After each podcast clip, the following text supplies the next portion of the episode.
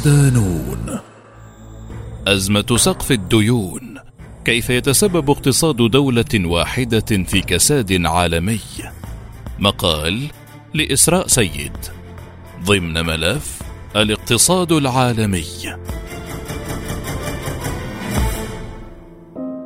تخيل أن الاقتصاد الأمريكي قد انهار وأننا أمام أزمة اقتصادية عالمية تبدو معها أزمة 2008 كحفلة شاي حسب توصيف سيمون فرينش كبير الاقتصاديين في بنك الاستثمار مانمور جوردون هذا الخيال يمكن أن يصبح واقعا مع تخلف الولايات المتحدة عن سداد ديونها بحلول الأول من يونيو حزيران وقد تفلس الحكومة في الخامس من يونيو حزيران ما قد يؤدي إلى عجز عن الوفاء بالتزاماتها المالية يضر الاقتصاد الأمريكي ويفاقم تكلفة الاقتراض وتنعكس آثاره الكارثية على الاقتصاد العالمي. كيف وصل الحال إلى هذا السيناريو الكارثي؟ تنفق حكومة الولايات المتحدة أموالا أكثر مما تكسب، وهي تعاني بالفعل من عجز يصل إلى تريليون دولار سنويا، ولتعويض الفارق تلجأ إلى الاقتراض ضمن سقف محدد من قبل الكونغرس، وهو ما يعرف بسقف الدين. في العام الأخير حددت الميزانية الأمريكية بستة تريليون دولار فاصلة خمسة بينما قدرت المداخيل بأربعة تريليون دولار فاصلة ستة وهذا يعني وجود عجز قيمته تريليون دولار فاصلة تسعة ما يعادل الناتج المحلي الإجمالي لدولة مثل إيطاليا. وبدأ العجز الذي تراكم طوال السنوات الماضية عام 2019 قبل ظهور جائحة كورونا ويعد حاليا أعلى بثلاثة أضعاف من مستواه عام 2019 عجز الميزانية مرض قديم أصاب الاقتصاد الأمريكي، لأن واشنطن وجدت حلا عابرا للأزمات بسندات وزارة الخزانة، ظهر عندما قررت أمريكا دخول الحرب العالمية الأولى، وبسبب الحاجة للأموال باعت الخزانة الأمريكية صكا ماليا للبنوك مقابل فوائد سنوية، وكان لجوء الخزانة للقروض مرهونا بموافقة الكونغرس الأمريكي لتجنب الإجراءات البيروقراطية في زمن الحرب. ومنح وزارة الخزانة صلاحيات محددة للاقتراض دون طلب تصويت الكونغرس كل مرة. قبل أكثر من قرن، وتحديدا عام 1917 أقر الكونغرس في عهد الرئيس الأمريكي الأسبق وودر ويلسون قضية الاقتراض عبر قانون سندات الحرية الثاني، لكن بشرط الالتزام بسقف أقصى يمكن للحكومة استدانته وذلك لتغطية العجز بين إيراداتها ونفقاتها لتتمكن من تأمين الأموال اللازمة لدفع رواتب الموظفين والعسكريين وشركات الضمان الاجتماعي وخدمات الرعاية الصحية وغيرها من أوجه النفقات الحكومية. ويتم ذلك أي اقتراض الحكومة للأموال عبر طرح السندات الحكومية التي ينظر إليها عالميا على أنها استثمار آمن وموثوق للبيع، وتحتاج الحكومة في حال وصول الدين العام للسقف المحدد إلى موافقة الكونغرس لرفعه لكي تتمكن من الاقتراض من جديد وبالتالي سقف الديون ليس سوى تشريع لابد منه لإنقاذ البلاد من الأزمة ومنذ عام 1960 تدخل الكونغرس لرفع سقف الديون 78 مرة 49 في عهد الجمهوريين و29 مرة في عهد الديمقراطيين. كان آخرها في 1 من أغسطس آب 2021 عندما رفع الكونغرس في النهاية سقف الديون بمقدار تريليوني دولار فاصل أربعة من 28 تريليون دولار فاصل أربعة إلى 31 تريليون دولار فاصل ثمانية. لكن هذا الإجراء الذي يتم بشكل شبه روتيني يتحول في كل مرة إلى ساحة لتصفية حسابات سياسية على حساب الاقتصاد. كما حدث في عهد الرئيس الأمريكي الأسبق باراك أوباما حتى وقت غير بعيد لا أحد كان يصدق أن الولايات المتحدة التي تتربع على رأس الاقتصادات العالمية وصاحبة أقوى عملة والدولة الأكثر ثراء في العالم وأكثرها مديونية أيضا عاجزة عن سداد ديونها. ففي التاسع عشر من يناير كانون الثاني الماضي وصلت البلاد إلى السقف الأعلى للدين البالغ 31 تريليون دولار فاصل أربعة. من هنا دبت الخلافات والانقسامات بين الحزبين الرئيسيين الديمقراطي والجمهوري. لا على مبدأ الدين بحد ذاته بل على كيفية التعامل مع العجز الاتحادي وطريقة نفقات الموازنة الاتحادية وأولوياتها. التي يهدف الجمهوريون إلى خفضها ثلاثة تريليونات دولار اولا أي ما يضاهي الناتج المحلي الفرنسي. بينما يرى الديمقراطيون أن الأمريكيين الأثرياء والشركات يجب أن يدفعوا ضرائب أكثر. تبدو الأزمة الحالية متشابهة لأزمة العام 2011 بين إدارة أوباما والجمهوريين، لكن المرة السابقة كثرت الأطراف المتداخلة من بينها أعضاء مجلس الشيوخ، بالإضافة إلى أعضاء مجلس النواب من الجمهوريين، وتسببت الأزمة وقتها في انهيار الثقة بسندات الخزينة الأمريكية وبرفع أسعار الفائدة. الماراثون لم ينته بعد. هذه المرة ومن دون أي احتفال، وبمصطلحات تعكس المضمون المرير للمفاوضات التي استمرت شهورا توصل الرئيس الأمريكي جو بايدن ورئيس مجلس النواب كيفن ماكارثي إلى اتفاق لرفع سقف دين الحكومة الاتحادية اتفاق من حيث المبدأ لكنه يأتي تتويجا لمفاوضات جنونية كانت متأزمة. الاتفاق الذي من شأنه رفع سقف الدين لمدة عامين يشمل أيضا تجميد الإنفاق على البرامج المحلية وزيادة الإنفاق على قضايا الدفاع والمحاربين القدامى وفرض بعض متطلبات العمل الجديدة وبرامج المساعدة الغذائية الفيدرالية وتغيير بعض القواعد المتعلقة بالطاقة. رغم ذلك لم ينتهي الماراثون بعد. في انتظار تصويت مجلس النواب اليوم الأربعاء الحادي والثلاثين من مايو أيار الذي يسيطر عليه الجمهوريون الذين يرفضون الموافقة على رفع الحد القانوني لما يمكن للحكومة اقتراضه. ويهددون بالسماح للحكومة بالتخلف عن سداد ديونها ويشترطون كحل مؤقت إجراء تخفيضات كبيرة في الميزانية الحكومية والإنفاق. الأمر الذي ترفضه إدارة بايدن وتتهم خصومها في الكونغرس بأخذ الاقتصاد الأمريكي رهينة في أيديهم لدفعها للقيام باقتطاعات جائرة من الميزانية. ورغم تأكيد مكارثي أن الاتفاق يمثل حلا وسطا، أوضح أيضا أن المعركة القادمة لتأمين أصوات ما لا يقل عن نصف أعضاء حزبه الجمهوري ستكون لحظة حاسمة له، كما سيكون بايدن أيضا تحت ضغوط لتقديم أصوات من حزبه الديمقراطي لتمرير مشروع القانون. وفي مجلس الشيوخ الذي سيصوت على الاتفاق لاحقا ويسيطر عليه الجمهوريون أيضا يمكن لأي عضو إبطال العملية لمدة تصل إلى أسبوع. ما يدخل البلاد في مرحلة إضافية من الشكوك بشأن تجنب العجز عن سداد الديون. في حين يتوقع اقتصاديون أنه لا يزال هناك القليل من اليقين بأن البلاد سوف تتجنب هذا السيناريو. إذ يواصل الطرفان العمل على تعزيز الدعم بشأن الاتفاقية.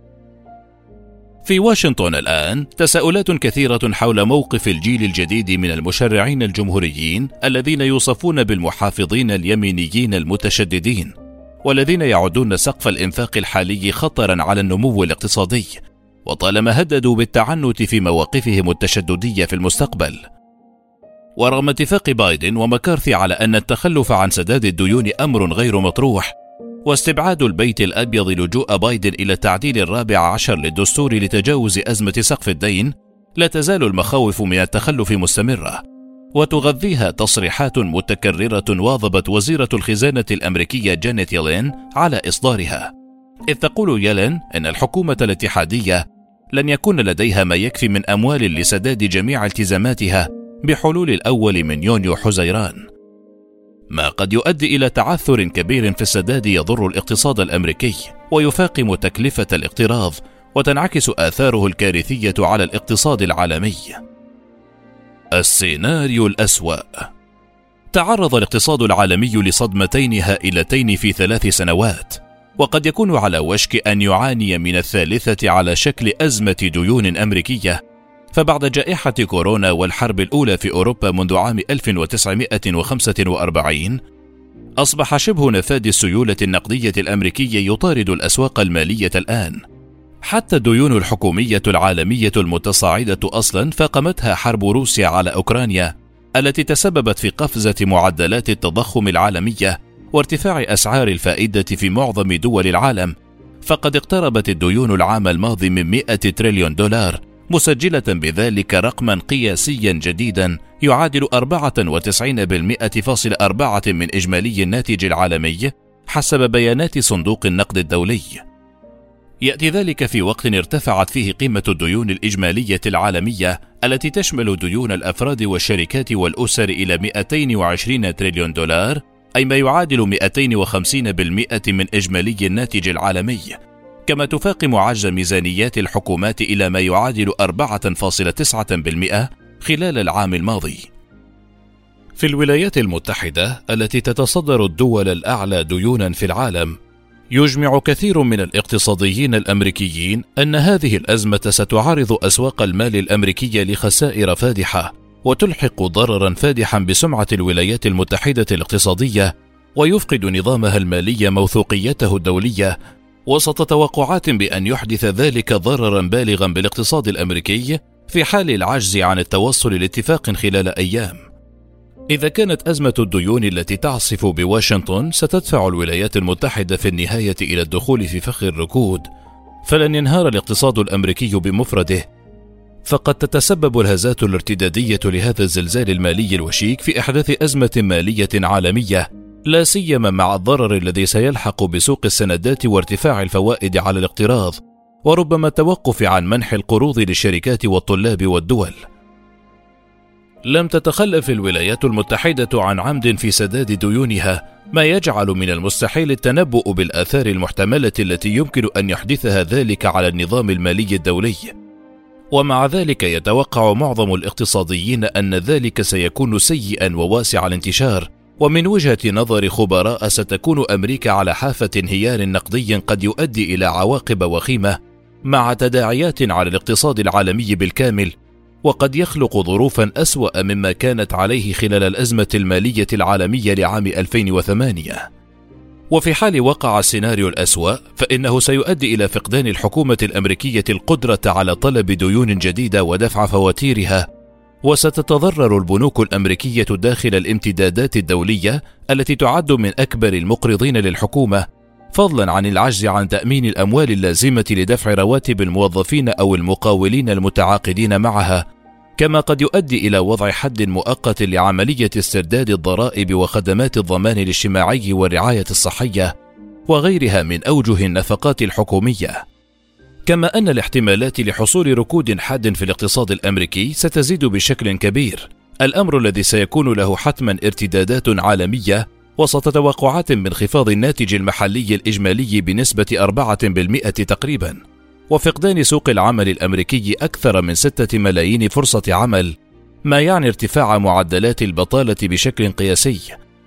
بالنسبة إلى وزارة الدفاع الأمريكية البنتاغون فإن استمرار الأزمة يعني عدم دفع رواتب القوات المسلحة والتي تبلغ أكثر من أربع مليارات دولار شهريا والتوقف عن دفع تعويضات الأفراد والضباط المتقاعدين والتي تبلغ 12 مليار دولار شهريا ومواجهة صعوبات في تمويل برامج صناعة الأسلحة المبرمجة مستقبلا. وعدم القدرة على توفير المساعدات المجانية والهبات المسلحة للدول الخارجية في المقابل الاعتقاد بأن الحكومة الأمريكية ستدفع لدائنيها في الوقت المحدد يدعم الأداء السلس للنظام المالي العالمي فهي تجعل من الدولار عملة احتياطي العالم من النقد الأجنبي ومن سندات الخزانة الأمريكية حجر الأساس لأسواق السندات في جميع أنحاء العالم.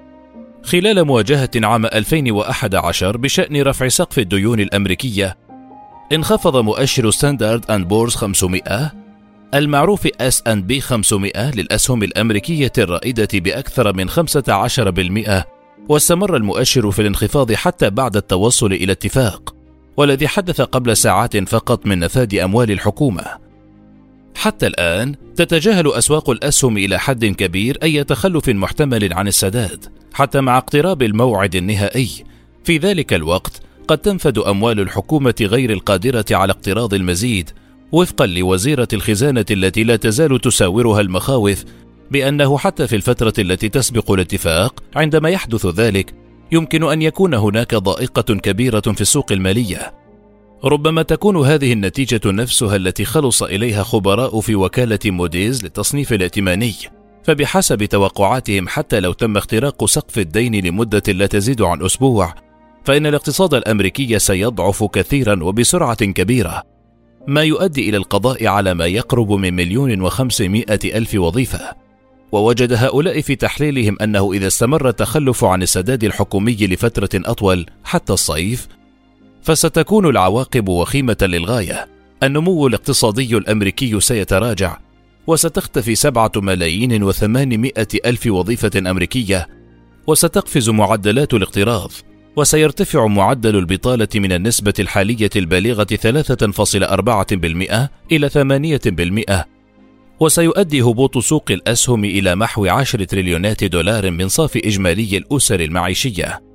لقد سبق أن وضعت وكالة فيتش التصنيف الائتماني لأمريكا عند أعلى درجاتها AAA وأعادت هذه الخطوة ذكريات عام 2011 عندما خفضت شركة S&P Global التصنيف الائتماني للولايات المتحدة من AAA إلى AA+, رغم أنها لم تتخلف عن السداد ولم تكرر S&P Global حتى الآن هذا التصنيف الائتماني المثالي بعد أكثر من عقد من الزمان. تداعيات كارثية. على الصعيد الدولي سيؤدي التخلف عن السداد إلى ارتفاع أسعار الفائدة وتقليل قيمة الدولار مقابل العملات العالمية الأخرى.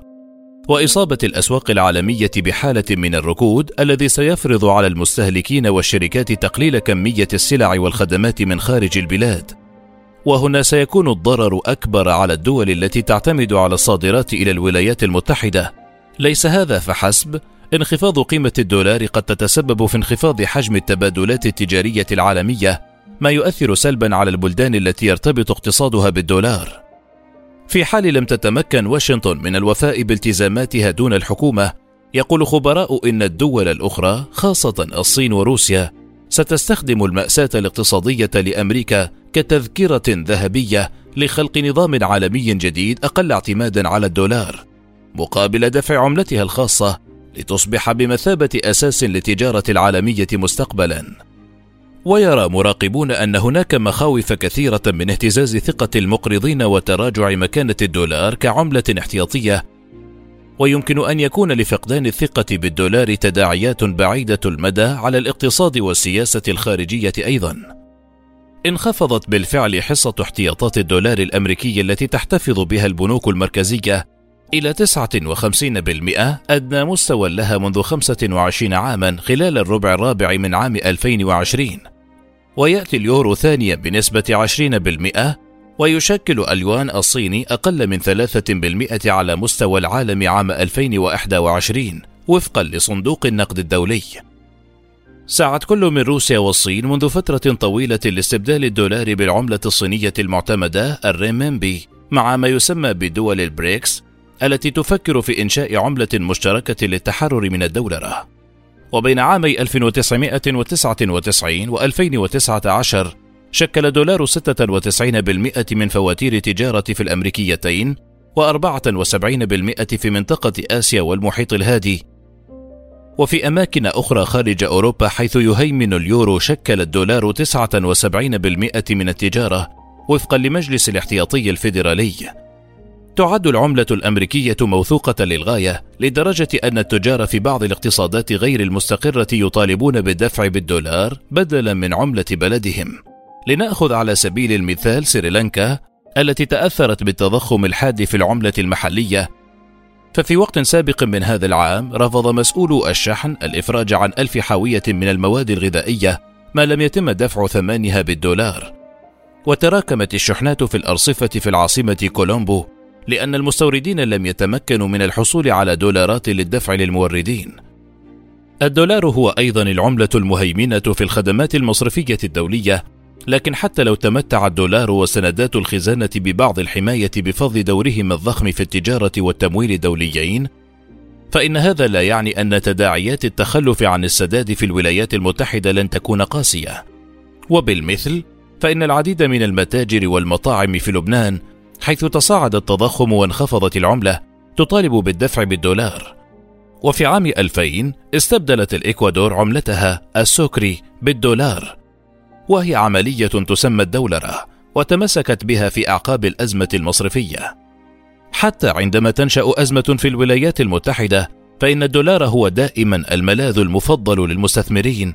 هذا ما حدث في أواخر عام 2008 عندما أطاح انهيار سوق العقارات في الولايات المتحدة بمئات البنوك والشركات المالية بما في ذلك بنك ليمان براذرز الذي كان يوما ما قويا.